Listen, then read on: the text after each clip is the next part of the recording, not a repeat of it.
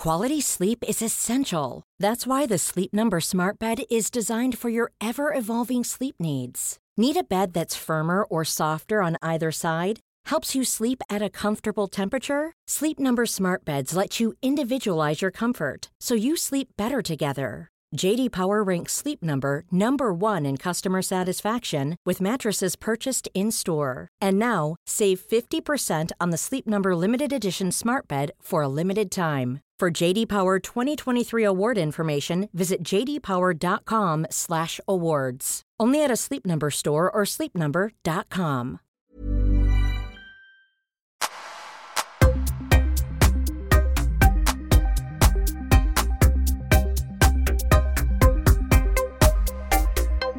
Mona Mansour, välkommen till Öppet sinne. Tack. Du faller ju in i kategorin som jag brukar kalla mina vänner. Ja, precis. Ja, det är där du är. Du och jag lärde känna varandra för typ någonstans nästan tio år sedan tror jag var. Jag Mm. jobbade som PT, du var vän med min arbetskollega och eh, sen blomstrade en vänskap upp därigenom. Och Ja. du var med, ja, jag började ju träna med dig. Ja. Och sen så började ju du klippa dig hos mig. ja, och det gör jag ju fortfarande. Ja. Ja. så nu har jag gjort det i tio år. Ja. Så ni som följer mig på Insta och har sett min fina frisyr, Ska komma till mig. det är tack vare Mona. ja. Men det lustiga någonstans är ju där att i det här så har du och jag också gjort liksom våra så resor. Jag pratar ju mycket i den här podden om, om den inre resan och du och jag har verkligen så parallellt gjort våra egna resor på två väldigt olika sätt.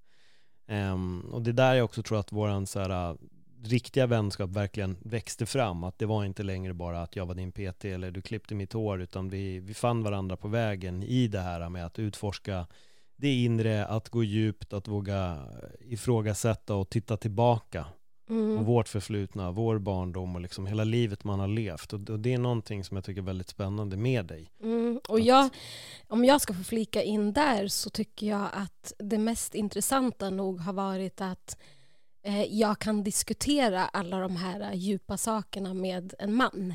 Mm. För det är inte så jätte, jättevanligt att kunna prata känslor och så. Så jag tror att vi dök ju väldigt djupt ganska tidigt. Mm. Eh, vilket jag kände så här, shit, här har jag hittat en person som förstår mig, som kan prata känslor och prata djup utan att det ska bli liksom obekvämt. Eh, så det vill jag också lyfta fram, att det är någonting som jag uppskattar jättemycket, att vi har kunnat ha så högt och lågt utan att jag ska känna så här, gud, du sitter jag här och pratar med en man om det här. Framförallt också för att jag har tre bröder som inte är så här jätte eh, på att prata känslor på det Nej. sättet. Eh, så verkligen någonting som jag tycker om med dig. Det är intressant när du säger det, för att för mig, det kanske är jag som är, alltså i brist på bättre ord, korkad här. Men, men jag upplever ju liksom att, jag upplever ju ändå att så här, jag har alltid pratat så mycket om känslor. Sen vet jag att alla kanske inte alltid har kunnat prata känslor med mig.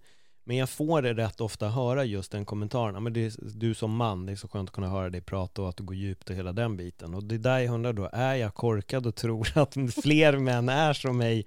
Eller är jag så pass ovanlig? Och det får ju du egentligen svara på. Ja, alltså, och där skulle jag nog prata så här, hur var det typ när du växte upp? Du är ändå så ganska nära din mamma eh, och vad jag har förstått så har ni också haft väldigt lätt att liksom prata känslor och så.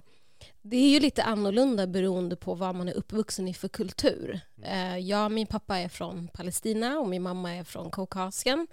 Och eh, man pratar inte jättemycket känslor och så eh, i den liksom, kulturen på det sättet. Mannen är liksom den här personen som ska vara den starka och man ska inte liksom diskutera så mycket känslor och eh, det är mera det här eh, om jag, ska, om jag ska säga att det är mer logiskt tänkande mer än att man öppnar upp hjärtat och pratar. Eh, så jag tror att skillnaden där är nog, jag tror att det är mycket kulturellt också, beroende på var man är uppvuxen någonstans Ehm, och beroende på hur det har varit hemma. Eh, har, det varit, har man umgåtts med människor som har lättare att prata om känslor? Är det ett grabbgäng? Du vet, alltså mina bröder, vi är från en förort, det är liksom tuffa killar eh, där det inte har varit så här jättenormalt att sitta och prata om sina känslor. Och jag menar, jag har inte alltid heller varit en liksom sårbar och känslosam kvinna som pratar öppet om mina känslor. Jag har också döljt mig bakom ett hårdare skal liksom, och haft en ganska, skulle jag säga, ganska tuff attityd Mm. eh, redan liksom på lågstadiet. Jag var väldigt pojkig, om man får säga så. Eh, och väldigt tuff och väldigt kaxig. Ehm, för att jag någonstans såg också eh, att prata känslor och så vara väldigt svagt. Just när vi pratar om så här, vad är sårbarhet? Det, jag, för jag lyfta, det var min eh, pappa sa någonting också till mig när jag var, var ung. Jag tror jag nämnt det på podden tidigare. Jag har nämnt ganska mycket i den här podden många gånger. Men, eh, det han sa till mig var att om jag inte hade kunnat gråta ut inför mina vänner så hade jag nog varit på psyket för, för flera år sedan. Um, och det där, jag minns inte hur gammal jag var, men jag var ändå rätt ung när han sa det här. Shit, jag blir så, Ja, jag blir så rörd. och, och, och, och jag tror att det har gjort att det har aldrig varit konstigt att gråta. För jag vet också att min pappa har gråtit framför mig när jag var liten. Så har han, då har han gjort det. Mm. Ehm, och det är det där som jag tror är skillnaden. Du, du, du trycker på en bra punkt där med kulturer. Mm. För jag vet att väldigt många kulturer har det här. Man gråter inte. Mm. Det är Mm. verkligen så. Du ska Mm. inte gråta. Stäng in det här. Mm. Och det här är något som jag har tänkt och pratat om också flera gånger. Jag, jag tycker det är väldigt konstigt för att för mig skratt och gråt det är liksom det är samma sak, det är bara två olika känslor. Det är som att säga att vitt får bara existera men aldrig svart. Det får aldrig existera svart, bara bara vitt. Men det är dess kontrast, det måste få finnas. Mm. Därför måste en man också kunna gråta. Som hade vi då stängt in allt skratt till exempel så hade vi pajat av den anledningen. Mm. Om, om det var istället bara vi får bara gråta men du får aldrig skratta. Det, det, det hade lett till samma typ av problem. Jag tror många gånger i de här kulturerna att folk går sönder. Jag såg en, det var ett klipp på Instagram och det var kommentarerna som jag tyckte bara var helt bizarra. Mm. Men då var det en man och en liten pojke som är så lyckliga över den Mm. nyfödda ungen så att de sitter och gråter ihop. De sitter bredvid varandra och gråter.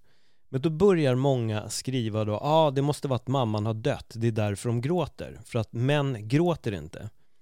Och då var det just en kommentar som jag gick in på som började liksom peppra så mycket med det här, en tjej. Och så går jag in och då ser jag då att dels, det var rätt snabbt, jag ser texten ner på arabiska på hennes Instagram så jag förstod att hon var någonstans därifrån. Mm. Och då slog det mig, fan det har med hennes kultur att göra. Mm. Det är klart att hon inte förstår att två män kan gråta av lycka eller en pappa och en son kan gråta av lycka. För att där hon kommer ifrån så är det fostrat att det ska inte vara så. Och hon skriver även det i kommentaren att hade min man gråtit så här då hade jag nästan velat dö. Och jag kände bara, men va? Mm. Hur frånkopplad är, är vissa kulturer ifrån det här med gråt? Och det är lite obehagligt. Mm. Men där, återigen, då kanske det är jag som är korkad och tror ändå Mm. att det ska vara på något sätt normalt. Men uppenbarligen är det ju inte normalt. Ja, och jag tror mycket så här. När jag tänker tillbaka väldigt mycket så tänker jag att vi är väldigt formade av liksom våra föräldrar och vår kultur. Och jag tänker att så här, när man är den här lilla flickan som jag var, som var väldigt sårbar och var väldigt känslosam redan som jätte- jätteliten och väldigt intuitiv. Eh, och sen så växte jag upp i en muslimsk kultur. Det var väldigt snack om hur en tjej skulle vara, eh, hur en kvinna ska vara. Och där tror jag också att det bygger väldigt mycket på hur mycket har föräldrarna mött sig själva. Eh, hur mycket har min pappa mött sig själv i sin sårbarhet för att sen embracea det till mina bröder exempelvis. Så min resa var, den var väldigt intressant för min pappa han var inte sårbar. Eh, och vi connectade aldrig så när jag var yngre på det sättet. Sen så genom min resa, genom att jag öppnade upp mitt hjärta, genom att jag blev sårbar, så närmade jag mig honom. Och jag märkte att från början tyckte han att det var obekvämt att jag kramade honom eller att jag pussade honom. Eh, och jag liksom uttryckte mig känslomässigt till honom. Men sen så blev det som att han blev lite bekväm i det. Så han började liksom öppna upp för mig. Eh, och vi pratade väldigt mycket om... Gud, jag blir rörd alltid när jag pratar om min pappa. Ja, För jag. att han inte är här. Mm. Jag måste bara ta någon minut. Ja, men gör det. Det är lugnt. Det är lugnt. Jag vet att det där, vi har ju då inte sagt det, men pappa gick ju bort här för var det cirka ett, två år sedan. Eh, och jag vet att det här har varit en jätte, jättetuff resa för dig. Jag vet att ni stod varandra, skit jag blir typ sentimental av till dig, eh, men, men ehm, och det har varit tufft. Det har varit jättetufft. Ja. Om jag ska gå tillbaka till det jag förklarade så var det att jag connectade med min pappa på en själsni, själslig nivå och Mm. jag visade min sårbarhet så mycket och jag förklarade för honom mina känslor. Så min kontakt med honom blev väldigt sårbar och väldigt känslosam. Så han, eh, vi hade alltid en grej att vi brukade sitta och lyssna på djupa arabiska låtar. Eh, och vi liksom satt i bilen och brukade gråta tillsammans. Så jag brukade alltid fråga honom, pappa hur var det för dig när du växte upp? Och då förklarade han det som att hans pappa gick ju bort när han var väldigt liten. Så han var uppvuxen med tjejer, med sina systrar. Eh, och jag tror att den här äh, otroliga kärleken som vi delade var också för att jag vågade öppna upp. Jag vågade vara fysisk med honom. Även om han tyckte att det var obekvämt i början så blev det sen en grej. Att han liksom, hans meddelande var väldigt jag, är så, jag älskar dig, jag är så stolt över dig. Eh, typ alltid när han har varit sjuk, jag har alltid varit där, lagt mig bredvid honom, lagt handen på hans panna, klappat honom och bara varit så här så fysisk med honom. Och min syster sa alltid, nu när han gick bort så sa hon, gud om det är någonting som jag, som jag ångrar mig är att jag var inte lika fysisk som du var med honom. Um, och jag sa det, jag bara, det har inte varit lätt med tanke på att min pappa är en palestinsk stolt man. Men jag nådde honom. Alltså jag nådde honom i hans sårbarhet och där kunde vi liksom mötas. Så jag tror att eh, det man går igenom också när man den här förlusten, det är ju den här kontakten man har tillsammans och jag var väldigt, väldigt nära min pappa. Så att förlora honom var eh, det var nog det värsta som en människa kan gå igenom för att jag tog pappa för givet. Jag tog pappa för givet. Jag trodde att han skulle alltid vara här oavsett vad.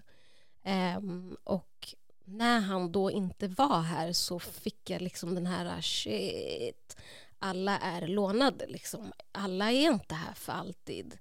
Så resan handlade väldigt mycket om att liksom acceptera alla de här ah, känslorna och, och acceptera förlusten. Och du vet ju själv, alltså vi har ju pratat jättemycket om Mm. din sorgeprocess med din bror och hur du har känt kring det. Och du kan säkert relatera till det här Ja, ja. att vi kan bara gå två vägar när vi går igenom en förlust och det är att öppna hjärtat och känna smärtan och gå in i den och bli vän med den eller att stänga av.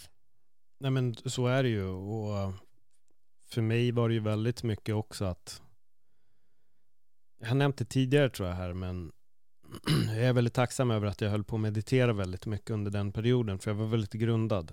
Eh, nu, om ni inte vet då, då för er som inte har lyssnat på min podd tidigare så blev min lillebror mördad. Han blev ihjälskjuten 2016 Eh, och det är har ju såklart varit någonting väldigt, väldigt tufft och, och ta sig igenom. Och jag pratar om det här i ett av mina avsnitt som jag kallar för Öppna mitt sinne, som heter Jag saknar dig lillebror, som ni vill höra. Då kan ni scrolla ner och så hittar ni det där så får ni höra berättelsen då. Eh, men nej men det, alltså det är skittufft. Jag, jag, jag tror att, vad ska man säga, det blir två väldigt olika fall här. Eh, Det ena är din pappa, det andra är min bror. Det ena är gängkriminalitet, det andra är eh, ålder och sjukdom. Så det blir två olika sätt att hantera det här på. Tror jag. Man måste gå igenom processen på, på dess olika sätt. Men jag tror att det jag hela tiden gjorde i min process är att jag fick rannsak eller fick förlika mig med att han har gått bort genom att han har blivit mördad. Liksom. Och det, är, det är någonting som är en, en annan process i huvudet. Liksom. Och jag tror att det är det här jag tror att många gör fel. Jag har tänkt väldigt mycket på det här med hur folk arbetar med sorg, för jag märker många gånger också när det blir, när det blir en sorgprocess, process att någon går bort, så tror jag det är väldigt lätt att folk glömmer att det är en person som har dött och så dör de på ett sätt själva istället och allting handlar bara om dem. Det handlar bara om den som lider av sorgen och inte om personen som har gått bort. Och jag tror att det där är någonting som är väldigt farligt och där tror jag, jag vet att vissa familjer också kan gå isär på grund av det, på grund av en, en, en sån grej då, att många hamnar i sitt eget trauma på något vänster. Vilket man gör, men jag tror att man behöver förstå anledningen till varför personen är borta och jag tror att desto snabbare man kan acceptera det, desto snabbare kan man också landa i någon form av ändå enklare vardag kanske. Jag vet inte. Mm. Man bär ju alltid på det här hela tiden och vissa dagar kommer det här upp och vissa dagar så gör det ju ont. Och vissa dagar känns det ju mer och sen är det ju alltid en fråga om hur nära man är varandra. Alltså jag menar, står man varandra jättenära så är det ju alltid mycket svårare. Har man en viss distans till varandra så är det lättare. Allt sånt är alltid faktorer som man måste tänka på Mm. i behandlingen av en annan människas sorg. För jag tror ibland att det är väldigt lätt, jag vet att du har ju nämnt det till mig också när folk har sagt jo men det har ju gått ett tag nu och nu känns det mycket lättare och nej det behöver inte vara så. Det kan fortfarande kännas som dag ett. Mm. Jag tror att det man måste göra är någonstans att man, det, vi landar i acceptans liksom. Mm. Man, man måste någonstans acceptera att det är så här det ser ut nu och, och därifrån försöka bara ta sig vidare liksom. Men hur Mm. länge sedan är det? Är det ett eller två år sedan? Det är t- 2019. Okej. Ehm, och jag lyssnar mycket på det du säger när du beskriver det här med att det händer på olika sätt. Och i ditt fall är det, det är ju en enorm... Jag, jag, det är därför jag vill fråga dig. Mm. Är du arg? Har du varit arg på din bror? Nej, alltså. Jag var ju det innan kanske. Har jag ju varit irriterad, alltså arg över att han kanske inte tog andra beslut. Men det är hans beslut som han har tagit. Och det får jag bara acceptera. Jag är väldigt mycket i acceptans tror jag många gånger. Jag får bara acceptera det. Men jag kan tycka att det är väldigt synd att han inte lyssnade när, när vi fanns där och ville hjälpa honom och hela den biten. Men samtidigt när man har haft en lillebror som har pendlat in och ut ur fängelse under väldigt många år så, blir det lite normalt till slut. Det blir lite utav en vardag. Jag vill bara poängtera, det är ingenting att poängtera egentligen, men, jag och min lillebror vi har olika mammor så vi har inte vuxit upp ihop. Um, så att ibland får jag frågan av folk, hur mår din mamma? Ja men hon mår bra för att det är inte hennes son som har gått bort. Men min pappa, det är en annan femma liksom. Det är hans son som har gått bort. Det är lite så sladdbarn eller vad det kallas då. Men det är en stor åldersskillnad mellan mig och min lillebror också då. då. Men det det har funnits stunder då jag har varit arg på honom men efter att han har gått bort har jag inte varit arg på honom. Eh, och jag tror att när han gick bort så det, det enda jag kunde känna var för att där märkte jag väl att det gick väl åt lite olika håll liksom med hur folk agerade under det här. Men för mig det finns en person att vara arg på det är han som har dödat min lillebror liksom. Det är ju den enda. Om man nu ska vara arg på någon så är det ju på honom. Men jag kan ju inte vara arg på min lillebror liksom. Det går ju inte. Han, han tog sina beslut och de får jag i slutet av dagen bara acceptera liksom att han har gjort. Han valde det här livet. Um, sen att det gick som det gick är ju verkligen skittråkigt och jag önskar ju att vi hade kunnat ändra på det här tidigare. Men jag tror att man måste backa rätt långt bak för att liksom hitta rätt väg liksom och få en förändring i allting som hände. Jag tror man hade behövt backa väldigt, väldigt långt bak. Det handlar inte bara om så där och då liksom. Mm. Ja, och jag tror att sorg är ju... Det är så vackert. Mm. Det är så vackert att gå igenom sorg och det är sjukt att jag sitter här och säger det. Liksom. Mm. Men det är, det är så många faser och det är så mycket känslor och det, är, det handlar ju om att bara alltså, släppa till och bara välkomna alla känslor. Och varför jag frågade dig om du var arg, det var att jag var i en process där jag var arg på min pappa. För att min pappa var diabetiker, han var sjukt beroende av socker och vägrade liksom sluta äta socker. Och jag sa till honom, liksom, jag är väldigt insatt i kost och så, så jag försökte liksom alltid lära honom. Men det blev mycket att så här, när jag var där så sa jag till honom vad, jag skulle äta, vad han skulle äta. Men sen så kunde du hitta, du vet, baklawa, du vet, papper under bilen och så. Så när min pappa gick bort genom att eh, de, han fick en infektion mellan tårna och då eh, var de tvungna att amputera bort första tån. Sen så spred sig den här inflammationen, eller infektionen. Eh, och då var de tvungna att ta bort alla tår. Mm. Och när de tog bort alla tår, då, blev han, då satt han i rullstol. Eh, och jag såg på honom att han, han fick panik av att liksom vara maktlös, att inte kunna gå på toaletten själv. Och vi turades om alla syskon att ta hand om honom. Eh, så på kvällarna så var jag tvungen att jag sov i vardagsrummet eh, och för att hålla koll på foten då som skulle vara i högläge.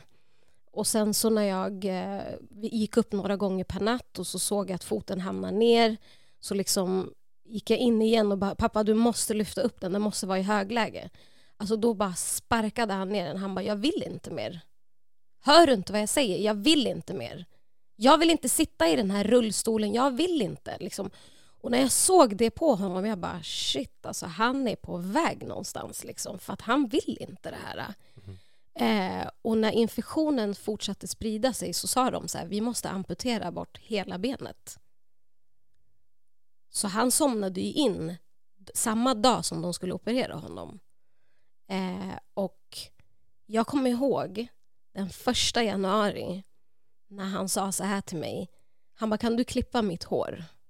Jag bara, jag kan klippa ditt hår. Så tog jag honom i rullstolen, klippte hans hår och så tittade han på mig jättedjupt in i mina ögon. Så jag bara, pappa, så sa jag på arabiska, jag bara, jag bara, tjo, jag bara, vad är det? Så han bara kollade på mig och log. Så efter jag hade klippt honom så ropade jag in min syster så skulle vi hjälpas åt och duscha honom. Eh, så hon skulle hålla upp foten och jag skulle liksom skrubba honom. Och Paul, jag stod där, jag duschade honom, jag bara tog upp dina armar, skrubbade honom, tvättade honom och det plaskades liksom vatten och jag bara tittade honom och jag tittade på min syster och jag bara, den här, den här stunden, den är för mäktig för att den inte ska ta slut. Alltså det var som en grej, det var som en intuition jag fick att så här, det här är för vackert, det här är liksom slutet på något sätt. Och sen så liksom, han gick ju bort den 6 januari. Och om jag ska gå tillbaka till processen av att vara arg så var jag ju arg av egoistiska skäl för att han lämnade mig. Han tog inte hand om sig själv för att jag vill att han ska vara här. Så processen handlade om att, vet du vad? Acceptera att han skulle inte kunna leva sitt liv i en rullstol. Alltså min pappa var en levande du vet, man som älskade att gå ut, och träffa sina vänner. Det, det livet skulle inte passa honom. Så jag var i den processen av ilska, men jag landade någonstans i att så här ville pappa ha det. Och då är man tvungen att acceptera det och då är ju, det är ju av egoistiska skäl vi alltid vill ha dem kvar såklart. Det är oftast det. Ah. Det är det jag menar med när, när någon går bort. Till slut så handlar det bara om en själv och inte om den som har dött. Nu ger ju du svaret här på vad din pappa mm. faktiskt ville. Mm. Och det tog tid för dig att förstå det. Mm. Min pappa har just nu inte cancer, får man väl ändå säga då. då. Mm. Han har just nu inte det. Men han har gått igenom en, en, en, massa operationer och det har varit en jävla massa operationer och han har tyckt det är skitjobbigt och det har varit cellgifter och hit och dit och han har bara sagt jag vill inget mer, jag skiter i allting, det spelar ingen roll om jag dör. Jag vill bara resa. Jag vill bara ut och resa. Eh, och när han har sagt allt det här till mig så har jag känt att, ja men absolut, om det är det du vill, då är det okej okay med mig. Om du känner att du vill leva två år till och hinna resa runt, i, i, han älskar Japan, om han liksom vill resa runt där och dö på resande fot. Ja men okej, okay. om, om, om det är det, så han känner nu, så jag, det är okej okay för mig. Mm. Om han vill det. Mm. För att jag vill inte se min farsa sitta och vara bitter över att nu försvann det här och nu försvann det här organet och nu kan jag inte göra det här och nu ska jag göra det här och så ska jag liksom bara bli ett jävla kolli i någon sån här, ah, off, snälla, lev som ett paket bara för att det är nice att veta att du fortfarande lever. Jag vill inte ha det så den dagen det blir så för mig. Så jag har redan gått in i en stor accept. Men jag vet inte, jag har, jag har börjat se döden på ett så annorlunda sätt de senaste fem åren så att jag kan nog vara jag känner ju alltid sorg om någon går bort men jag kan vara väldigt så här, frånkopplad en annan känsla för jag, jag, jag, landar ändå någonstans i, nu det, kanske jag inte kan säga det min lillebror liksom, men om en person vill gå bort på grund av som din pappa, jag vill inte sitta i rullstol, jag vill inte göra det här. Jag, jag, för, jag förstår det. Mm. Jag kan så mycket fatta den känslan. Mm. Och det är inte som att varken du eller min pappa, nu är det klart de är fortfarande unga om man ser det ur den aspekten, men de är inte 22. Då blir det skillnad, mm. tycker jag. Um, Men tror inte du att, för när du säger så här, eh, jag har en annan syn på döden ja. och det har jag haft de senaste fem åren. Handlar det om din inre resa som du har ja, gjort? Mm. det gör det. Mm. Nej, men det, gör, det gör verkligen det och jag har ifrågasatt mycket och det har hänt väldigt mycket på vägen och jag har verkligen utforskat alla de här tankar och funderingar om liksom livet nu, livet sen och liksom vad vill vi och hela den biten. Och det, det är liksom det som är här nu, det är. Och liksom ta vara på det. Det är mer så jag ser det, ta vara på det. Men när man landar i någon bitterhet eller något liksom alltid så jävla trist eller liksom allt det där och det blir helt plötsligt de sjukdomar som liksom förändrar en som människa. Så min pappa har en cancer i urinröret och var tvungen att göra en operation som ledde till att han får en stomipåse för kiss liksom. Mm. Eh, det var ingenting han ville. Han sa det direkt, han bara jag skiter i det här. Han bara jag är inte intresserad. De bara men då dör du. Han bara okej. Okay. Ja, okej okay, och? Cool. De bara nej men det, det, kan du inte göra. Och jag vet att när han pratade med mig om det här också så var jag så här, nej men fan, jag hör dig liksom. Det, det, var verkligen så, men jag kunde märka att typ, så här, min morsa och kanske min brorsa, de hade en helt annan reaktion. Att, Nej, men det är klart du måste fortsätta leva. Liksom. Han bara, jag pallar inte att hålla på med alla de här operationerna. Mm. Jag tycker det är jättejobbigt. Mm. Um, men jag... jag... är nog den, jag, jag, tror att jag var den enda som var så här, ja men fan hör ni inte vad han säger? han vill inte. Han vill ju inte. Ah. Alltså, och, och det kanske är jättekonstigt att jag kan se det på ett sånt jävla avsnärt sätt, för att jag kan också samtidigt vara ärlig, jag vill ju såklart inte att min pappa ska gå bort. Mm. Jag vill ju inte det. Och det vill jag inte att någon ska tro eller som lyssnar på det här, för det vill jag inte. Men samtidigt så måste jag vara så jävla lyhörd som person också för att höra på vad han faktiskt vill. Nu har han ju gjort alla de här operationerna ändå och det är liksom all cred till min pappa som ändå gjort det. Men samtidigt när han säger att jag vill resa, för att, för att någonstans, det galna i allt det här är att desto mer han har börjat prata om att han ska dö, desto mer lävnadsglädje har han. Så jag tror någonstans i det här så kommer min farsa säkert leva många år till mm på grund av att han är så jävla inställd på att äh, men det är över nu liksom. Nu skiter jag i det här, jag vill bara resa, jag vill till Japan, jag vill resa dit, jag vill göra den här resan i Asien, jag vill göra det här, jag vill se det här. Ja, det kanske gör att han istället lever liksom 10-15 år till. Istället för att så här, okej, okay, får jag göra den här operationen för jag måste leva, jag måste leva och så till slut så sitter han bara där och alla organen börjar slås ut och det ska komma in fem pers för att liksom tvätta, ja men du vet, hela den jävla processen liksom, det kommer inte ge honom någon glädje.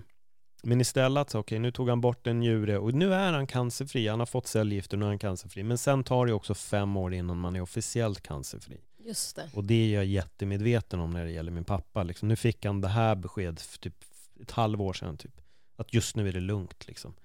Och vi får bara hoppas att det fortsätter vara lugnt. Mm. Och jag tror att om han bara får göra sina resor så får han att han, han kommer inte vilja dö. Han snackar om det nu, men jag tror också att han själv har förlikat sig med döden. Att det är över nu liksom. Det gör också att då lever du inte på lånad tid längre. Då är varje dag en jävla bonus och det är någonting jag ser i min pappa för han är gladare än vad han har varit på många år. Han har en helt annan positivitet i sig. Varje gång jag träffar honom så är han liksom skitglad. Och han pratar bara om ah, men nu jävlar ut och resa. Och liksom, så fort corona är över, han har fått sitt andra vaccin nu. Han bara fan, snart kan jag sätta igång. Ja men skönt. Fan vad grymt. Ja, och det jag hör är ju att han har ju släppt kontrollbehovet. Helt. Helt. Och jag tror att kontrollbehovet är ju, det växer ju liksom som eh, beroende på vad man mm. går igenom. Men alla vi har någon typ av kontrollbehov. Och sorgen varje sorg du går igenom, det handlar ju om att släppa kontrollbehovet och att välkomna de känslorna som kommer. Mm. Och jag tror att, liksom, jag brukar alltid säga att, att kontrollbehovet är som ett täcke under massa andra känslor. Och när vi släpper kontrollbehovet, då kommer ju, och då går jag tillbaka till mig själv och min process. Liksom, när jag släppte kontrollbehovet, då kom ju alla känslor. Och jag var bara så här, det är dags nu att vi ska bli bästa vänner här och välkomnade allt. Så alla, jag brukar säga att rädslor är bra att ha. För rädsla ger dig en möjlighet till att möta dig själv. Ja. Sen kan du inte vilja möta rädslan och då stänger du av. Men då lagras den i din kropp. Så när du går igenom en annan händelse i ditt liv, då kommer rädslan upp igen. Så det är därför jag säger att sorgen den är det vackraste jag har gått igenom. För fy fan vad jag har vuxit som människa. För att jag inte har varit rädd. Och jag har mött rädslan och mött alla känslor och släppt kontrollbehovet. Vilket gör att jag kan också sitta och säga till att jag vill leva i nuet fullt ut. Um, så det är jävligt coolt. Men det är där det ligger. Jag tror att det är alla de här rädslorna som vi vill. När vi väl möter dem och, och accepterar dem för vad de är, det är då vi utvecklas. Men om vi fortsätter gå runt i någon form av panik eller liksom rädsla för det här eller, eller det ena med det andra, då, då står vi också still. Alltså, möta rädslan är nog det viktigaste vi behöver göra hela tiden. Konfrontera, det är som ett litet barn som klättrar upp för någonting som är för högt. När den väl lär sig att den kan hoppa ner från det, då är den inte rädd för det här längre. Och det här är en ständig process hela livet igenom. Möt en rädsla, inse att det inte är farligt mm. och sen fortsätt. Och jag mm. tror att vi målar upp väldigt eh, obehagliga scenarier som, om, om väldigt mycket i mm. livet. Men man måste möta den rädslan, precis som du säger här, att du har mött den. Mm. Och jag, jag tror också väldigt mycket att, som till exempel, jag har gått i eh, schematerapi under väldigt många år eh, och eh, vi jobbade väldigt mycket med hypnos med min terapeut. Och eh, för mig handlade det om att förstå att jag, Mona, är ju trygg och jag har liksom hittat mig själv och så. Men det finns en del av mig som är väldigt rädd. Och jag tänker så här, de sakerna som jag har gått igenom som barn, man är väldigt otrygg som barn. För att föräldrarna finns ju av en anledning, för att de ska ge trygghet och allt så. Så när ett barn känner sig väldigt övergivet, då blir ju den väldigt rädd. Så jag brukar säga att det är ju, när jag hamnar i de känslorna, då hamnar jag i gamla programmeringar där liksom jag har varit väldigt rädd. Eh, och att välkomna det, det handlar ju om att ge mig själv trygghet i alla lägen. Eh, och att förstå mig själv, att förstå att det är okej okay att vara rädd. Men jag tror att vi har så mycket distraktioner idag att när rädslan kommer upp så kommer det så här, men vänta nu ska jag bara ringa ett samtal, jag ska gå in i det här, jag ska göra det här. Eller vi kanske lägger vår intention, intention på andra människor och försöker lösa deras problem. Vi utvecklar ett typ av medberoende och allting, egentligen, jag och du sitter här nu och vi har, även om du har din resa, jag har min resa, men vi har ju samma, samma mål. Och det är att hitta kärnan i oss själva, hitta kärleken till oss själva. Och det handlar om att vi ska våga möta det som är och det som har varit och det som ska komma för att vi någonstans ska också kunna vara närvarande i nuet. Eller så stänger man av det som man gör i vissa kulturer och säger att man ska ja. inte. Nej, men, och det, är Nej, där, det, är det, är där hela ja. galenskapen ja, kommer och det är det jag tror är, det är därför folk hela tiden väljer att distrahera sig själva. Mm. Carl Jung tror jag som har sagt det där med att människan kommer göra vilken galen sak som helst för att inte titta på sig själv, titta mm. inåt. Mm. Och bara varje gång vi tar upp telefonen, det är ett sätt att distrahera oss. Mm. När vi väljer musik i våra lurar istället för att gå ut på en promenad utan musik så är det en distraktion. Vi är mm. där och distraherar mm. våra tankar och det är det som gör att folk inte riktigt vill meditera. Ah, men det blir så rörigt och det låter så mycket. Ja, det är för att det är kaos i ditt huvud och det behöver komma fram. Ja, det är en... Vi måste möta de här rösterna, mm. men vi mm. vågar inte utan vi gör allting vi kan i vår makt att inte konfrontera det. Mm. Och det är väl det jag försöker lyfta i den här podden hela tiden. Våga blicka inåt, sitt mm. tyst en stund och bara vara där och se vad fan som kommer fram. Låt de här grejerna komma fram. Ja, och jag tror också Eh, som han Carl Jung, när man pratar mycket om det här eh, inom liksom spiritualitet så pratar man mycket om shadow, shadow work. Mm. Eh, och det är ju oftast så här att många människor tänker, eh, ja, men jag, när en känsla kommer, till exempel vi tar skam, eh, då har de lärt sig att de ska inte gå in i den så de distraherar och gör någonting annat. Och de säger, men jag behöver inte gå in på djupet. Ja, det, det där hände då. Men sanningen är den att förändringen och kreativiteten den, den lyfts fram när du integrerar dig med skammen. När, skam, när du ser skammen och den blir en del av dig så kommer det komma en djup kreativitet från den för att ta dig fram. Men folk förstår inte att när de stänger av, alltså det, det lagras i din kropp. Mm. Alltså det kommer komma. Stänger av så kommer det igen i nästa. Och till slut blir det, jag var ju där själv. Till slut fick ju jag jättekraftiga panikångestattacker. Alltså hela min, mitt ansikte och hela kroppen domnade och jag liksom kutade ut i pyjamas och bara ah, jag håller på att bli galen, jag kommer tappa det. För att jag hade stängt av i så många år. Jag hade stängt av skam, skuld, sorg, du vet, destruktiva relationer. Alltså jag hade inte ens varit i mina känslor för att jag hade en jättebra liksom, strategi och det var att lägga min fokus på andra människor så att jag slapp möta mig själv. Eh, men sen stod jag där och bara, vet du, du har ingen väg ut. Det är liksom bara, ja, det är bara att möta dig själv nu. Eh, och första gången jag mediterade så var det ju exakt det här som du säger. Alltså, du vet, jag kunde inte sitta still, jag fick panik, jag började, jag bara nej, alltså, jag kommer bli galen, jag kommer bli galen. Första gången jag hamnade i nuet, alltså Paul, jag fick panik. Alltså jag fick panik. Jag ringde min psykolog, jag bara allt känns jättestarkt, jag känner ljuset, jag känner, jag går här, det känns jätte, jättejobbigt. Det känns som att jag har tagit något, att jag, att jag har fått någon psykos eller något. Och han bara, ja det är exakt så det känns när du är i nuet. Allt känns mycket starkare och du är närvarande i träden, i, i liksom när du går. Men jag hade aldrig känt det, jag hade varit i huvudet liksom i alla år. Vi, vi har en tendens att placera allting i framtiden också när du ser med bara i nuet. Det är ja. därför vi oftast gör mål som är väldigt långt bort. Mm. Och det är det som gör att vi tar allt för givet också mm. hela tiden. Det är klart det kommer ett imorgon eftersom att jag har en vision om någonting som kommer ske. Jag vet inte när liksom. Men jag, jag, jag fattar och, och jag hör det och jag, jag har hört den här historien från så jävla många som mm. nämner exakt det, det du nämner nu. Men vad var det som fick dig att ens våga titta inåt från början? Vad, vad var det som gjorde att du sa fan jag, jag, måste göra något nu? Var det att du fick den känslan eller vad hände? Alltså det var ju att jag eh, började liksom eh, minnas saker och så som hände från min barndom. Eh, men sen var det också att jag fick panikångest. Ehm, och jag blev väldigt, väldigt, det blev väldigt svårt för mig att hantera liksom, den här panikångesten. Så eh, min bror hade då en jättebra liksom, vän som är jättebra terapeut eh, som sa till mig att Nej, men vi, vi påbörjar det här. Och grejen är den att han var väldigt kvick med att förstå saker.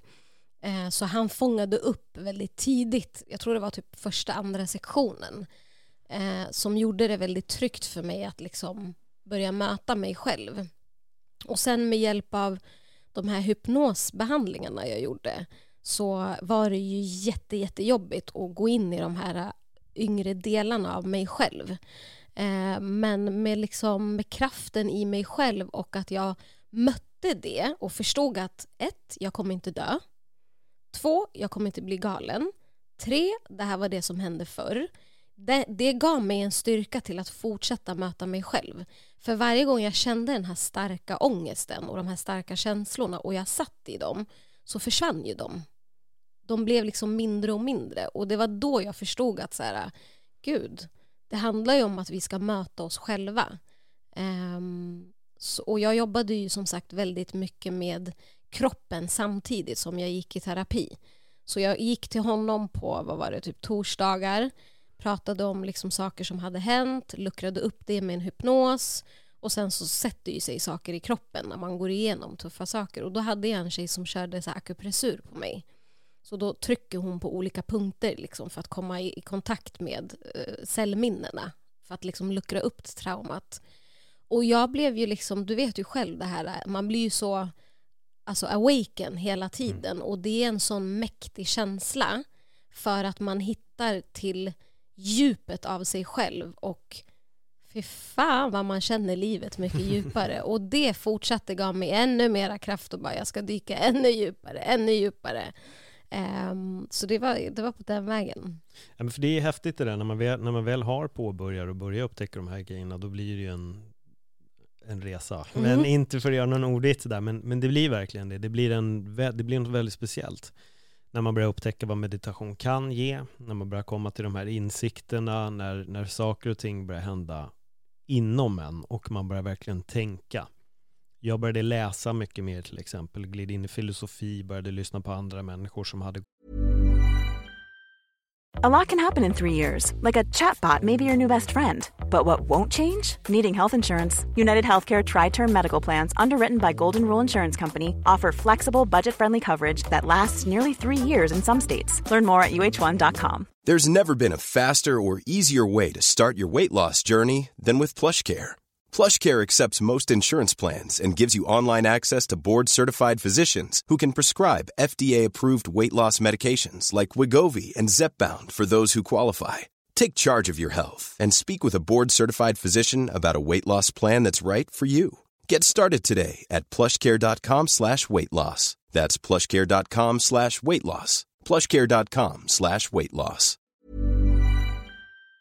Gått igenom den här processen det händer så otroligt mycket på vägen och jag tror att där landar många av vi som håller på med den här då, i resan. Det, det blir en, man, man, hittar den här acceptansen, man, man börjar se saker med nya ögon och man börjar se den här frånkopplingen och sen börjar man se det väldigt mycket andra människor också som inte vågar. Och, det, det är tufft, alltså jag, jag tror att bara att ta klivet, det första klivet kräver mycket mod att våga utsätta sig för det här, för att det är jobbigt, det, det är svårt och det kommer vara en jävligt tuff eh, det kommer vara en tuff utmaning och det, det är ingen enkel grej att, eh, att ge sig in på helt enkelt.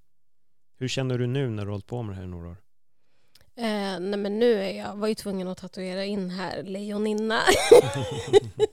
För att jag känner mig, alltså jag har sån kraft mm. i mig själv och jag är otroligt, otroligt liksom stark och närvarande och jag möter motgångar men jag stänger aldrig av.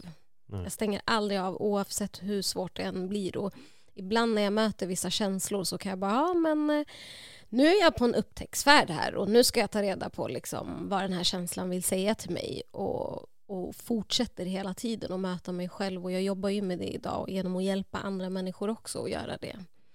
Eh, så jag skulle nog säga att jag är en centrerad, sårbar kvinna idag. Mm. Och väldigt stolt över det. För här tar du upp någonting som vi egentligen inte har tagit upp. Mm. Men du har ju också gått och utbildat dig på vägen. Du har inte bara gjort en resa utan du har också hoppat in i studieböckerna. Vad är det exakt som du har, har gjort där och vad heter titeln och så vidare? Ja. Så jag är ju diplomerad KBT-terapeut. Ja. Och eftersom att jag hade jättemycket tvångstankar och så som barn eh, och liksom mycket problem med tankar och huvudet och programmeringar och allt det här så blev KBT jätteintressant för mig. Eh, sen har ju jag min egna lilla remix om hur jag själv gör allt. Eh, men så jag utbildade mig till KBT-terapeut, så jag läste en ettårig utbildning. Och sen så har jag läst lite andra grejer gällande kost och så. Och då bestämde jag mig för att jag vill jobba med det här på Eh, på daglig basis att liksom hjälpa andra människor att eh, möta sig själva och framförallt det här um, som vi pratade om innan, det här med att våga vara i känslor, våga vara i det som är tufft. Eh, så nu kör jag faktiskt digitalt ehm, och eh, successivt så ska jag ha mitt egna lilla space där jag kan göra allt det här. Spännande. Mm. Hur kändes det att hoppa på den utbildningen? Alltså det kändes ju tufft för att jag har inte gått i skolan. Jag är den här tjejen som inte gick på klasserna. Mm. Så jag har ju haft väldigt svårt att liksom koncentrera mig. Men där kom ju meditationen in. Så jag såg ju skillnad på mig nu med att jag har mött mig själv och mediterat väldigt mycket. Eh, så blev det väldigt annorlunda att plugga idag än liksom hur det var när jag var ung. Eh, så på det sättet har det varit varit väldigt lärorikt. Problemet var bara att två månader efter att jag började plugga så gick min pappa bort. Mm. Eh, så det var inte lätt för mig att liksom plugga, jobba och ta hand om en sorg. Liksom. Så att, eh, det var väldigt, väldigt jobbigt men jag gjorde det och jag är här. Ja, ja men du är ju det. Mm. Det är jättebra jobbat ju. Mm. Det är otroligt starkt och det är det det handlar om också. Även fast det är tufft så måste vi ta, och ta oss igenom de motgångarna. Och mm. Du tog dig ju an någonting och du slutförde det ju. Mm. Och nu är du ju där du är också. Mm. Hur har dina vänner sett på dig? För jag tycker det är lite roligt. Det här är en kommentar som ganska ofta kommer in mm. i, mitt huvud. Det är eh, Det var någon gång när jag var klippte hos dig tror jag det var. Mm. Och så säger du Fan vilken skillnad det är på dig nu och när jag lärde känna dig. Så, ja, sa jag sa det? Du det? Ja, ah, du sa det. Mm. vilken resa du har gjort. För jag kommer ihåg att du var en sån annorlunda person då kontra nu. Mm. Den, har, så här, den kommentaren har, den, den, den repeteras i mitt huvud ibland, för jag tänker rätt mycket på det här. Fan, hur var jag egentligen innan jag påbörjade allt? Eh, och det är så lätt att bara mäta sig med var man är idag, men det är lätt att glömma också var man var förut. Mm. För jag mm. vet ju själv att det har hänt jättemycket. Alltså det har hänt väldigt, väldigt mycket. Mm. Eh, men det är alltid intressant när det är någon annan som kan påpeka det och se. Ja, alltså eftersom att jag är som sagt, jag är uppvuxen i, i Gottsunda, Uppsala. Så har jag haft ett väldigt intressant sätt att vara på innan. Som har varit väldigt aggressiv och väldigt liksom taggarna utåt helt enkelt. Man har inte kunnat säga så mycket till mig utan att jag har gått i ständig attack. Så många vänner från förr som känner mig back in the days, de är så här, wow, shit, vad hände? Och de har haft lite liksom, det har varit väldigt kul att möta dem och träffa dem för att jag är ju en annan person. Eh, och de har bara varit väldigt så här, gud vilken resa du har gjort med dig själv. Eh, och jag märker ju till exempel att min mamma, hon är van med mina taggar utåt.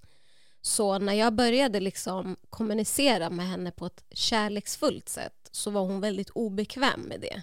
För hon bara, jag väntar bara på när den här kommer. Du Som jag alltid var liksom. Eh, och även mina bröder, de har ju inte varit vana med att jag är så här, fast vet du vad? Monta säger, nu blev jag faktiskt ledsen. Så de har liksom inte förstått kanske att så här, shit, hon har gjort värsta resan. Så jag tror att det har varit både och. Det har varit eh, att man har haft så här, okej, okay, vad händer nu?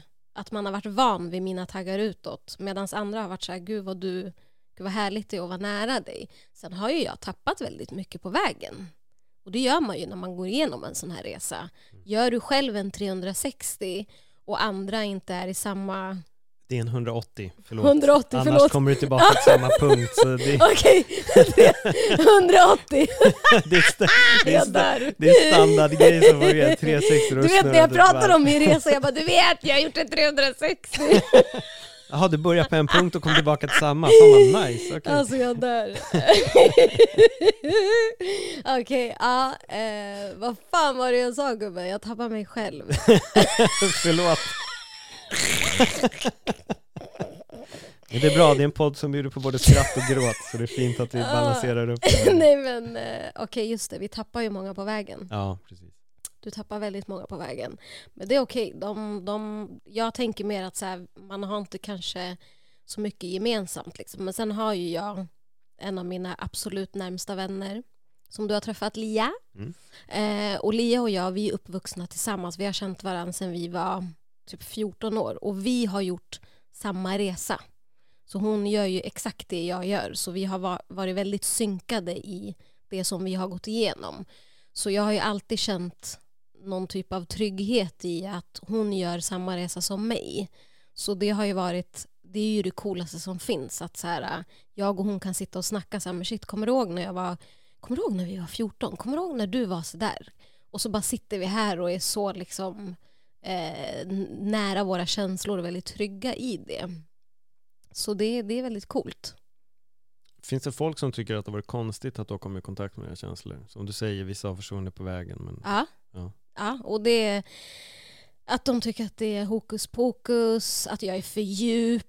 Det är väldigt mycket snack om känslor. Eh, man behöver inte blicka så mycket tillbaks. Alltså jag har ju fått väldigt mycket sådana. Det är en väldigt vanlig kommentar Ja. från folk som inte vill Ja. blicka tillbaks. Mm. Det är bara onödigt att titta på barndomen då. Det spelar ingen roll, man måste bara titta framåt i alla Exakt. Eh, så på det sättet har, eh, har jag märkt att det är många som har haft svårt för... Och vet du vad jag tror? Jag tror att jag alltid har suttit på en högkänslighet men jag har varit med människor som inte har lyft fram den. Mm. Alltså även relationer som jag har varit i har det varit mycket snack om att jag är för djup och jag är för känslig. Så det har ju varit en skam för mig att vara känslig och djup. För det har aldrig varit någon på det sättet som har förstått den, den delen av mig. Ehm, och jag tror att det är det som gör många gånger i hur vi, upp, hur vi vill uppfattas inför andra. Och då går vi också tillbaka till det här med kultur. Att man inte kanske har embraceat den delen. Då går man runt och tror att det är något fel på en för att man är väldigt känslosam exempelvis. Mm. Medan nu bär den mig, den är en del av mig och det är så coolt. Vi är ju alla olika. Vissa av oss behöver ha mycket känslor, andra har mindre. Och jag tror att det är det där man måste också återigen acceptera bara. Att det är så. Men jag håller med dig. Alltså jag, jag vet ju själv att jag har varit djupare tänkt och har varit, jag har känt mycket känslor liksom. Och, och de som har stått mig nära och inte har förstått det har väl tyckt kanske att det är konstigt. Och, och då har det väl blivit lite mer pekat på att det är jag kanske som liksom inte borde behöva Men- tycka och tänka och, och känna på det här sättet liksom som jag gör. Ja, men alltså jag undrar en grej. Eh, för du är ju, alltså, du är ju eh, emotionellt liksom närvarande kan jag säga. Och Alltså jag tänker så här, hur har det varit för, för jag vet ju att vi har pratat lite grann om liksom relationer och så, men jag tänker den här delen som du är, den här emotionella delen, är det någonting som du tycker att tjejer har typ så här, pratat om och upp, uppskattat med dig? Ehm, Ehm, alltså det är nog väldigt beroende på. Det, är aldrig någon, någon, det finns ju ingen tjej som har sagt att jag är för känslig eller något sånt. Det har jag aldrig hört. Ald, aldrig att jag träffat någon tjej så, för det, det finns balanser i känslighet och jag är nog väldigt okänslig enligt folk som är riktigt känsliga, skulle jag nog säga. Så jag tillhör en, mild, en, en, en enklare grad, men med känslor menar jag nog inte att jag går runt och är känslig, men att jag känner mycket känslor, skulle jag nog säga. Jag, Mm. jag är väldigt kop- påkopplad på mina känslor. mm, Så att jag känner sorg, jag känner glädje, liksom. jag, jag är en väldigt och det blir väldigt starkt för mig. mm, Eh, men känsligheten betyder inte att så här, åh jag såg en sorglig film och så sitter jag och gråter eller liksom en person sa en dum grej till mig och så sitter jag och grinar. Det är inte så.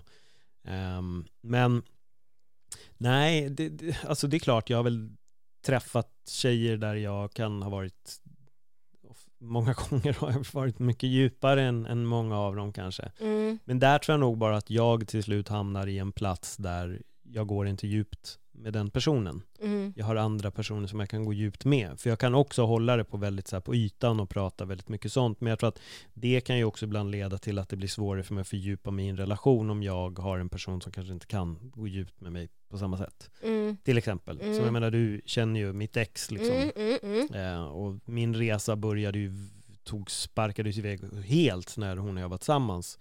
Hon träffade nog en Paul, men det var en annan Paul som sen gjorde slut. Mm, Eh, för där utvecklades jag så jävla mycket och där märkte jag någonstans att fan, vi träffades i en punkt i livet, men nu är jag nästan 40 år fram. mm, Och mm. trots att vi bara var tillsammans i tre, Mm. liksom, men det hände så, så mycket där. Och där, där kunde det nog, jag, jag ska inte säga att det blev svårt, men hon sa väl det själv, att jag önskar att jag kunde gå, liksom, pra, ha de här konversationerna, men jag kan inte. Mm, Och jag är så, det är lugnt, jag vill bara ventilera mina tankar liksom. Men någonstans så tror jag väl också att jag behöver någon som kan gå på det djupet med mig, någon som jag kan utbyta de här tankarna med. Det var faktiskt en gammal arbetskollega till mig på Sats som sa det till mig för många år sedan. Och då pratade vi egentligen, jag tror att vi snackade lite om relationer, men då sa han det, vi hade suttit och snackat en stund och så säger han bara, du behöver en tjej som utmanar dig, mm. rent mentalt. Mm, Du behöver mm. någon som kan, kan utmana dig mentalt för att du tänker jävligt mycket och du behöver någon som är där och faktiskt kan också testa dig och if- ifrågasätta dig och liksom utmana dig i dina, i dina tankar. Och det, han har rätt. Jag har insett det mer och mer att fan vad han har rätt. Och, För- vad, och vad händer med dig när du får det? Alltså när någon utmanar dig, Mm. vad händer med dig? Och då går vi djupt ihop. Alltså det, det, det är så, för det handlar inte om att utmana, att konfrontera mig och gå i clinch med mig i en diskussion. Det är inte det det handlar om. Men det handlar mer om att kanske ifrågasätta hur jag tänker och få mig att tänka på ett nytt, på ett nytt sätt. Mm. För det är det jag egentligen gör med mig själv hela tiden. Jag Mm. ifrågasätter mina tankar och Mm. någon som kan vara med mig på vägen och säga men du fan ska vi inte titta åt vänster istället? Jo men ja absolut. Istället för att jag är så här, men det här och det här och det här och det här. Så behöver jag någon som också kanske kan peka mig i rätt håll. För att Mm. utmana handlar inte heller om att man bara ska gå emot mig. Mm. Att du tycker det, då ska jag tycka motsatsen. Mm. Det är inte en, en utmaning så Mm. liksom. Då, då går man ju bara i en, då blir det ju bara en, ett tjafs eller en diskussion istället. Men jag har väl på senare tid tror jag att de senaste tjejerna som jag liksom har dejtat eller så, där, där har det alltid funnits ett utbyte. Det har, det har varit tjejer som liksom har kunnat gå djupt med mig och det har varit tjejer som har kunnat komma med väldigt intressanta djupa tankar och delat dem med mig. Liksom. Och där Mm. märker jag att då har jag fastnat. Då har jag Mm. liksom varit mer redo att gå in i något. Så jag tror att idag behöver jag någon som är där. Jag kommer inte bara kunna träffa någon som liksom inte har det där djupa i sig. Jag tror inte det. Jag, kan, kan, jag ska inte säga aldrig, men, men de senaste tjejerna som jag liksom har träffat eller dejtat på något sätt, så vi har mötts i diskussion. I konversation ska jag säga, inte diskussion. Vi har mö- mötts i konversationer och där har vi liksom kunnat djupdyka. Och sen, Mm. jag, jag kan tycka att det är skitkul. De, ni som lyssnar på mina avsnitt med Öppna ditt sinne, ni vet vad jag pratar om. Jag älskar att filosofera och se livet ur väldigt många perspektiv. Liksom. Och jag, när jag väl träffar någon tjej som kan det också, då Mm. tycker jag att det är helt roligt. Ja, och jag tycker så här, jag lyssnar på det du säger och jag fångar upp någonting eh, som, som jag tycker är intressant är när du säger någon som utmanar mig. Mm. Eh, och jag tror att det finns ett sätt, eller det finns lite olika sätt att utmana en man på. Eh, och det skulle jag vilja så här, fråga dig för att jag vet att till exempel innan har jag varit väldigt, alltså jag utmanar, men jag utmanar genom mitt hårda sätt att vara på. Så när jag liksom ska framföra saker så är det, det är inte på ett så ödmjukt sätt. Medans eh, nu när jag är väldigt sårbar och liksom väldigt nära det här eh, och, och, väldigt centrerad så vill jag gärna liksom utmana på ett kärleksfullt sätt eh, för, liksom av, av, en fin gest. Så. Men för jag har hört att killar inte gillar att bli utmanade.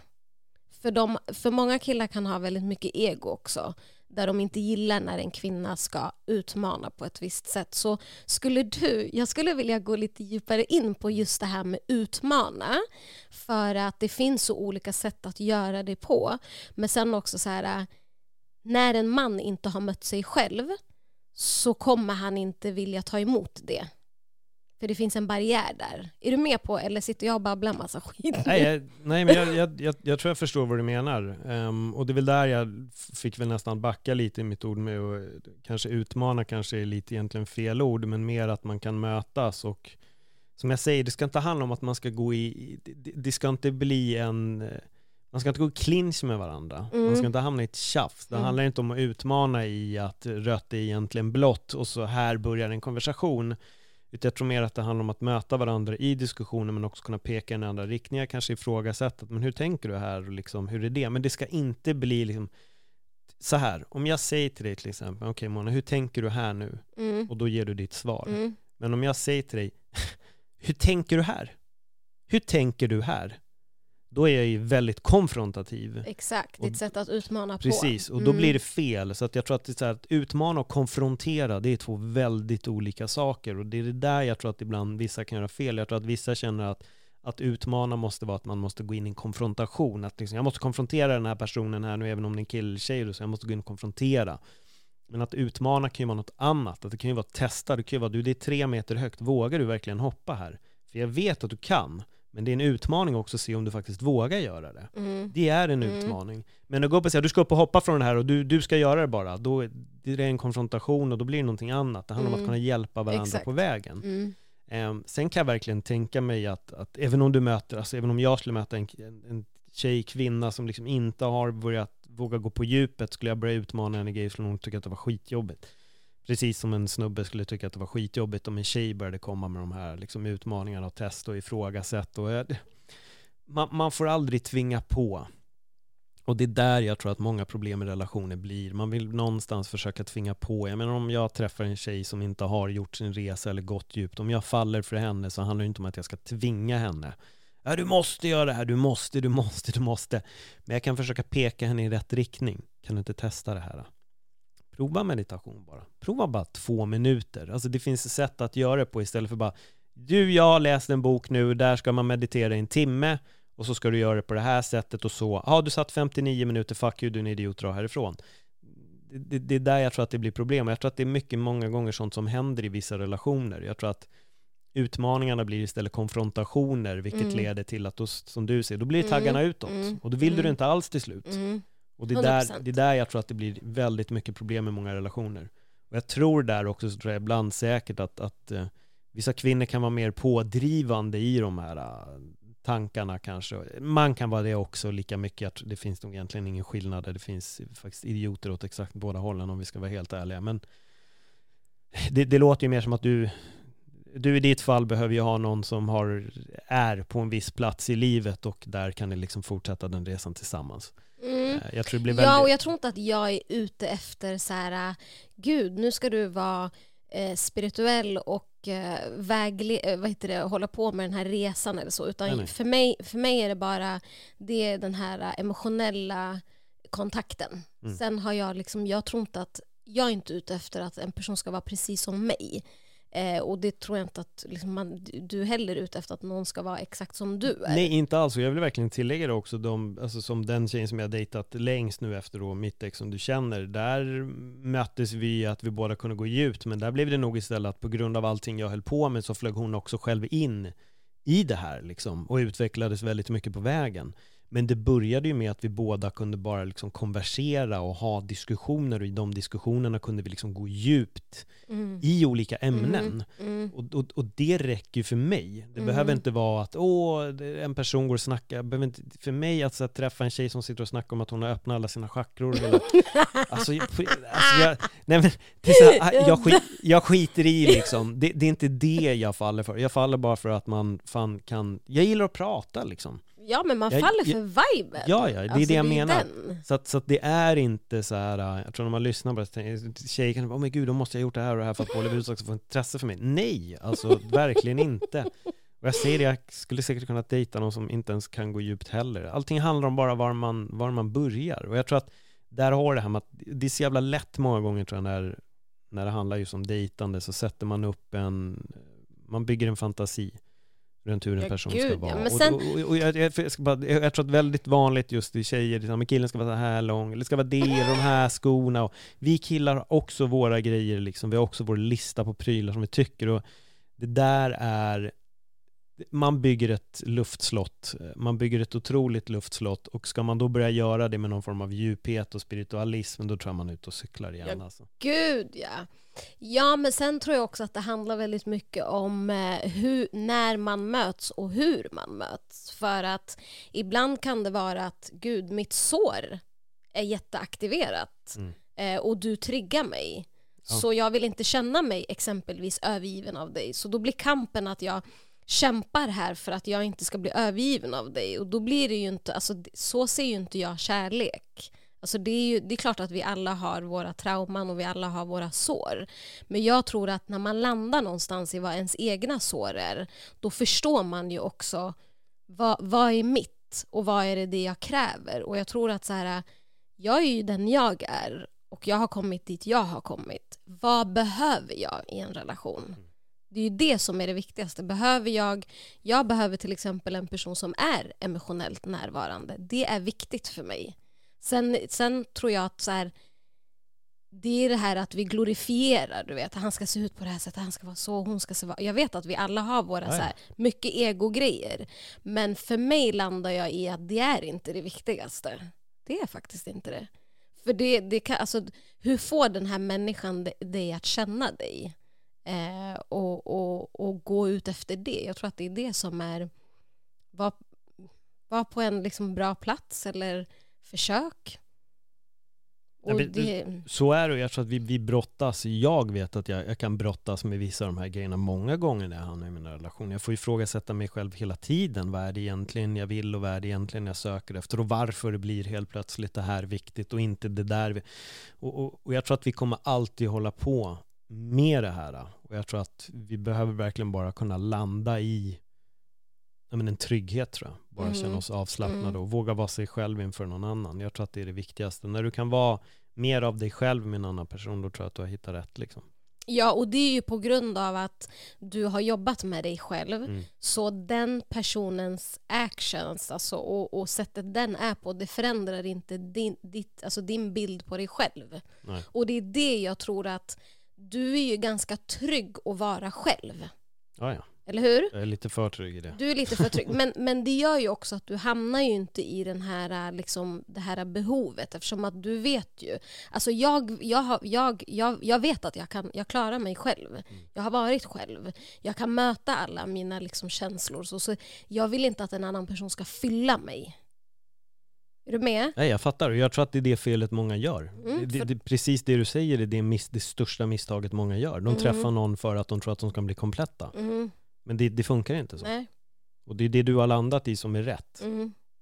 Mm, verkligen. Och jag tror att det beror på mycket det man har gått igenom och känslor man har mött. Det är precis som, som det här vi pratade om innan. Alltså har vi mött oss själva i våra känslor så alltså vad är det värsta? Okej, jag blir avvisad. Ja. Vad händer om jag blir avvisad? Fan, jag tyckte det var nice. Jag blev avvisad. Okej, vad kommer hända? Kommer jag dö? Nej. Kommer, jag, eh, kommer det hända något? Nej, jag kommer klara mig. Så okej, men vet du vad? Avvisande tjenare, vi kan bli vänner. Alltså att jag liksom, jag försöker välkomna alla mina känslor. Och okej, nu känner jag mig övergiven här. Okej, men då blir vi vän med det.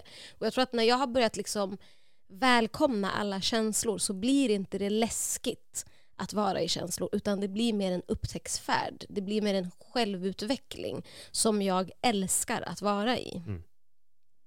Ja, jag håller med, jag tycker det är jätteintressant att, att höra dina de här tankarna. För det är just det här med just att bli avvisad. Jag satt och tänkte på det där. ja, men relativt nyligen så jag tänkte på det, bli avvisad. För att det handlade nog mer om att jag satt och tänkte på de gånger då det inte har gått som jag har velat. Mm -hmm. Jag har både avvisat och jag har såklart blivit avvisad. Mm -hmm. Så tänkte jag på det. Vad sjukt med de gångerna jag har blivit avvisad och hur jag verkligen inte bryr mig ett skit om det idag. Och Men då, då vill jag veta just så här. då var det så jävla jobbigt. Men just idag så är det så här, fan det är helt sjukt att jag ens tyckte och tänkte det jag tänkte då, men idag gör jag inte det. Och det är en ganska så skön känsla att landa i, för det gör att nästa gång det händer så vet jag att tiden kommer gå och efter regn kommer solsken och hela den Ja, men då vill jag veta så här. Mm. Så när du har blivit avvisad i relationer, eh, eller typ dating eller faser och sånt, eh, har du, när du träffar en tjej, har du med dig det bagaget? Är du rädd för att bli avvisad? När du träffar den personen? Hur menar du? Innan avvisandet eller vad menar du? Ja, men vi säger så här, du träffar en tjej, du Mm. blir avvisad och sen så börjar du träffa en, en ny tjej. Är du rädd att bli avvisad då med den nya tjejen? Bär den känslan, är det såret, bär det dig? Så här, det går mycket djupare än så. Ehm, Tell me, I love Ja, deep shit. Jag har berättat det här i, i en annan podd och det är Min pappa flyttade till Spanien när jag var nio Mm. Då flyttade han dit och sen dess har han bott där permanent Så Mm. han bor där idag Jag har åkt dit jättemycket Min farsa skaffade jobb på SAS så att jag kunde flyga precis när jag ville Han har varit här väldigt mycket liksom. Så det, det, jag har alltid haft min pappa men han har varit där Men varje gång jag var där, eller varje gång han var här När jag åkte hem, eller att han åkte hem Så blev jag jätteledsen Jag var avvisad, Precis övergiven. ja. Mm. Och har du, Så jag, har, så jag har på ett sätt, vilket jag insåg typ för två år sedan, så insåg jag att jag har gått igenom så jävla många hjärtekrossar på ett sätt, redan Mm. som barn. Och jag tror att anledningen till att vissa avvisanden eller att jag blev dumpad tog väldigt hårt på mig när jag var yngre mm. var just det att jag blev den här lilla pojken igen Just som blev det. överlämnad av sin pappa. Mm. Så jag har haft en sån jävla rädsla ibland för att Mm. vissa relationer inte ska funka. Så att när jag har känt att det börjar gå lite snett, då har jag fått panik. Ja, Jag har blivit jätterädd. Kan, alltså jag blir så... Ja. Att du kan sitta här och säga det, det gör mig så glad. Nej men, nej, men det, det, det, alltså det är det jag har fattat själv liksom och det har varit Alltså det har ju varit jättejobbigt och då drog jag väl slutsatsen med mig själv Jag har åkt på liksom över 30 stycken hjärtekrossar innan jag ens hade egentligen haft min liksom första riktiga relation Så jag har åkt på de här hjärtekrossarna och det har suttit med mig väldigt länge Mm. Tills jag väl liksom började förstå att det är där det kommer ifrån och när jag började förstå var det kommer ifrån så har det alltid, då blir allting mycket lättare att hantera. Men jag åkte ju i blindo under många år och förstod inte varför jag alltid fick sån jävla stress när jag märkte att det började gå lite fel. Och, och, och det som blir fel här också är att när det börjar gå lite fel så går det ju helt åt helvete direkt med tanke på att då blir mitt beteende också väldigt konstigt. Precis, du blir reaktiv. Jag så. blir Mm. reaktiv och jag blir jättestressad, jag blir jätteorolig jag är rädd för att bli lämnad. Mm. Vilket det är det, det, är Mm. det det bottnar i. Jag har varit jätterädd för att bli lämnad. Mm. Eh, men nu, nu när jag vet så har jag väl liksom, det blir något annat nu. Eh, Mm. Nu har jag väl, jag vet inte om jag ska kalla det tur, men jag har väl haft turen att det kanske inte är jag som har blivit övergiven de senaste åren. Det har varit jag som har gått. Mm. Eh, det är väl det det har varit liksom. Mm. Och då, då är det klart att det blir alltid lite, lite lättare. Men nu har jag också kunnat hantera vissa situationer på ett annat sätt för att jag förstår också nu var den här känslan kommer ifrån och vad det beror på och jag behöver inte bli den lilla pojken igen som blir övergiven av sin pappa liksom. Mm. Men tror du Mm. att, för du sa så här, du bara som tur är så har jag inte, så är det jag som har lämnat. Mm. Tror du att du har öppnat upp den känslan, blivit vän med den eller tror du att det finns ett litet, litet skydd kvar som gör att du inte släpper in och kanske ser till att inte du blir lämnad? Alltså jag är ju världens mur, ja. Mm. Det är klart jag är det. Jag är, en, jag är en väldigt enkel person att ha att göra med, men jag är också en jävligt komplex människa på ett annat sätt. Det är jag otroligt medveten om. Eh, Jag har lätt att ta till mig en person, men jag kan ha väldigt svårt att sen släppa in den personen till 100%. där är, där är jag, där är det svårt att komma in. Mm. Och då tänker jag att den muren är ju, för du säger att det är en mur, och då tänker jag att den muren är ju någon typ av skydd för den här lilla pojken. Ja, absolut. Mm. Nej men absolut. Sen tror jag att alla bygger en mur ändå. Eh, O- 100%. oavsett det här så hade jag ändå byggt en mur med liksom de gångerna man har övergivit eller blivit övergiven i alla fall. Men nu vet jag väl i alla fall var den känslan kommer ifrån. Sen varför jag har varit den som har lämnat. Nu handlar det inte om att jag har gjort det liksom jättemånga gånger sedan mitt, mitt ex, liksom, men det finns i alla fall en, ett tillfälle. Men, men det, det grundar sig i att vi fladdrade för mycket fram och tillbaka. Liksom.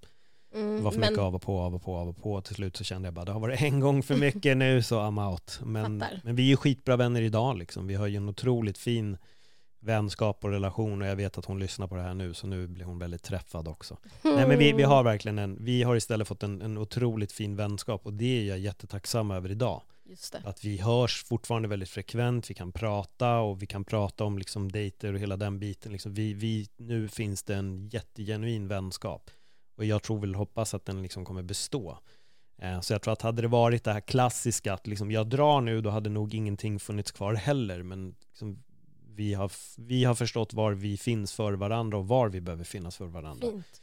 Eh, Så jag tror att det handlar inte bara om att säga tur, att, att jag har gjort mitt. Jag menar att det kanske är tur eller otur. Men sen har jag inte gått, jag har inte fördjupat mig i någonting så här hundraprocentigt heller sen, sen jag gjorde liksom bröt upp med mitt ex. Mm. Så har jag inte heller träffat någon som har blivit min officiella flickvän. Och, Mm. det, och då, eh, det, det, det är väl först där jag kommer kunna ge ett riktigt svar på den frågan. Liksom. Men, Mm. Jag är bara så här, jag är så intresserad av muren. Ja, det, är- det är jag väl Det själv. är den jag är så Det är här, jag väl ska själv. vi... eh, Det, ja, för, för när, den här muren som du pratar om, den är ju... Alltså, jag brukar säga att den, den kan utspela sig i ett typ av kontrollbehov. Mm. Eh, och eh, den eh, muren är ju så jävla mäktig att krossa. Ja, ja, den Alltså är den det. är, den är, och den är tuff att krossa. Alltså den är, det har tagit mig väldigt, väldigt många år och jag har blivit eh, vad heter det, avvisad ganska många gånger. Mm. Eh, och ehm, att, att, alltså jag tror att när jag krossade den muren, då släppte jag 100% mitt kontrollbehov och då kunde jag landa i, mi- alltså i den liksom kärnan i mig som är den här 100% sårbarheten. Eh, och det har blivit lättare för mig att möta känslor av avvisande av olika slag. Liksom. Jag håller med, alltså muren är ju ett, ett evigt projekt. Vi bygger på den och sen försöker vi riva ner den lite grann och sen bygger vi på den. Jag tror det handlar om att rätt person kommer kunna slå sig igenom den där muren ganska enkelt. Det är väl, det är väl där jag, jag har landat i de tankarna, att rätt person kommer till slut att liksom kunna krossa den där muren. Men Och vet du vad jag tror? Rätt. Ja. och vet du vad jag tror? Den personen kommer krossa den muren och det är för att din mur kommer inte ta personligt på den personen. Nej, så kan det vara. Är du med? Ja, ja. Så att, eh, och där tror jag också att så här, äh, konsten, när vi pratar ego, tankar, programmeringar, konsten handlar ju om att okej, det gick kanske för fort fram här, eh, han eller hon fick panik, men det har ingenting med mig att göra. Så jag kan fortsätta vara centrerad och vara mig själv oavsett i en sån situation. Så jag hör verkligen det du säger och jag tror verkligen på att människor kommer in i vårt liv och de kan liksom hjälpa oss möta oss själva på ett kärleksfullt sätt för att du kanske träffar en tjej nu och så dejtar ni och så ser hon att den här muren finns men hon omfamnar den med kärlek. Hon tänker det här är en mur han har, okej och så kanske du vill vara själv många dagar efter att ni har sett så då är det så ja men det är okej du, du har en mur liksom som hon inte behöver gå in och identifiera sig med. Men jag tror att våra sår som vi har de äger väldigt mycket när vi blir avvisade. För det Ja, tar oss tillbaka såklart. till barndomen eller det tar oss tillbaka till, till situationer och därför är det så lätt att ta det personligt Mm. än när vi blir det. Så ja, jag tycker det är sjukt intressant här. Och det är så jävla kul att sitta och prata med dig om det här. Ja, du du är vet- så jävla öppen. Du vet att vi har pratat i eh, 72 minuter nu? Du skojar. Nej, det är sant. Okej, det kanske är dags att avsluta. Vi, vi är långt, men det finns ju definitivt, det kommer ju, vi, vi får sätta oss igen Ja. vid, vid tillfälle och snacka mer. Men jag håller med, men liksom för att summera lite med den här muren, alltså muren har vi ju alla liksom och muren står väl för olika saker hos alla. Men jag tror också en grej som är väldigt viktig när det gäller relationer, det är det här man Ofta säger folk att de inte vill hålla på med lekar och hit och dit, men lekarna uppstår alltid det är alltid en liten maktkamp i början. Det handlar om vem som sänker garden först och, och så vidare och vem som vågar ta det första steget för att kanske liksom ta det till nästa nivå. Så det, det, det handlar inte bara om att en person har en mur, det handlar om att det är alltid två personer som möts som har varsin mur som måste bli genompenetrerad och det är där jag tror att det kan bli lite problematiskt och mäckigt i början liksom. Men jag tror att försök där det känns värt att försöka och det kommer man veta tror jag. Men mm. ibland så tror jag att man försöker trots att man vet att det här kommer inte hålla. Liksom. Ja, och nu måste jag ju så sälja in min, mina ja, tjänster det, också. Ja, det är det som ska komma precis nu. Nej men det är verkligen ja. så. Det här är avrundningen nu, bara för att vi vågar inte gå in på djupet Och det är, genom att, det är genom att säga så här, Känner du att du har en mur? Känner du att du vill krossa den? Nej men jag som sagt, jag jobbar som eh, holistisk eh, life coach eh, och jag jobbar jättemycket med att hjälpa människor att ta hand om känslor, välkomna känslor, känslobearbetning, tankeförändring.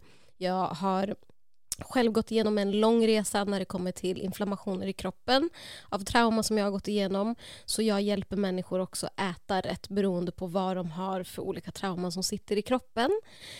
Så jag är så öppen för att vägleda er. Så om ni skulle vilja få hjälp av mig så får ni jätte, jättegärna gå in på min hemsida som heter monamansor.se eller hittar ni mig på Pauls Instagram där jag heter Mona Mansour S.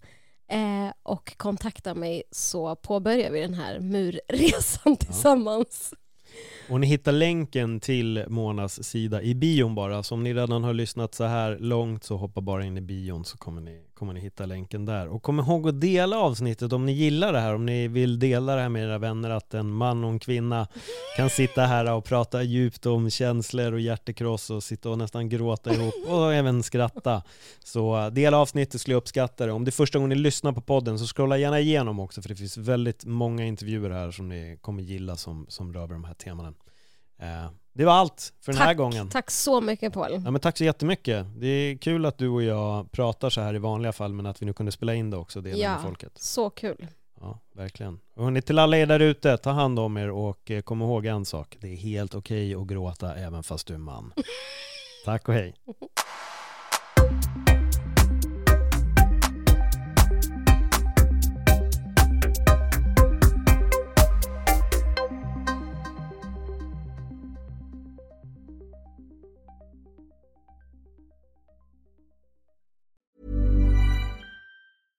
Imagine the softest sheets you've ever felt. Now imagine them getting even softer over time. That's what you'll feel with Bowl and Branch's organic cotton sheets. In a recent customer survey, 96% replied that Bowl and Branch sheets get softer with every wash. Start getting your best night's sleep in these sheets that get softer and softer for years to come. Try their sheets with a 30-night guarantee. Plus, get 15% off your first order at bowlandbranch.com. Code BUTTERY. Exclusions apply. See site for details.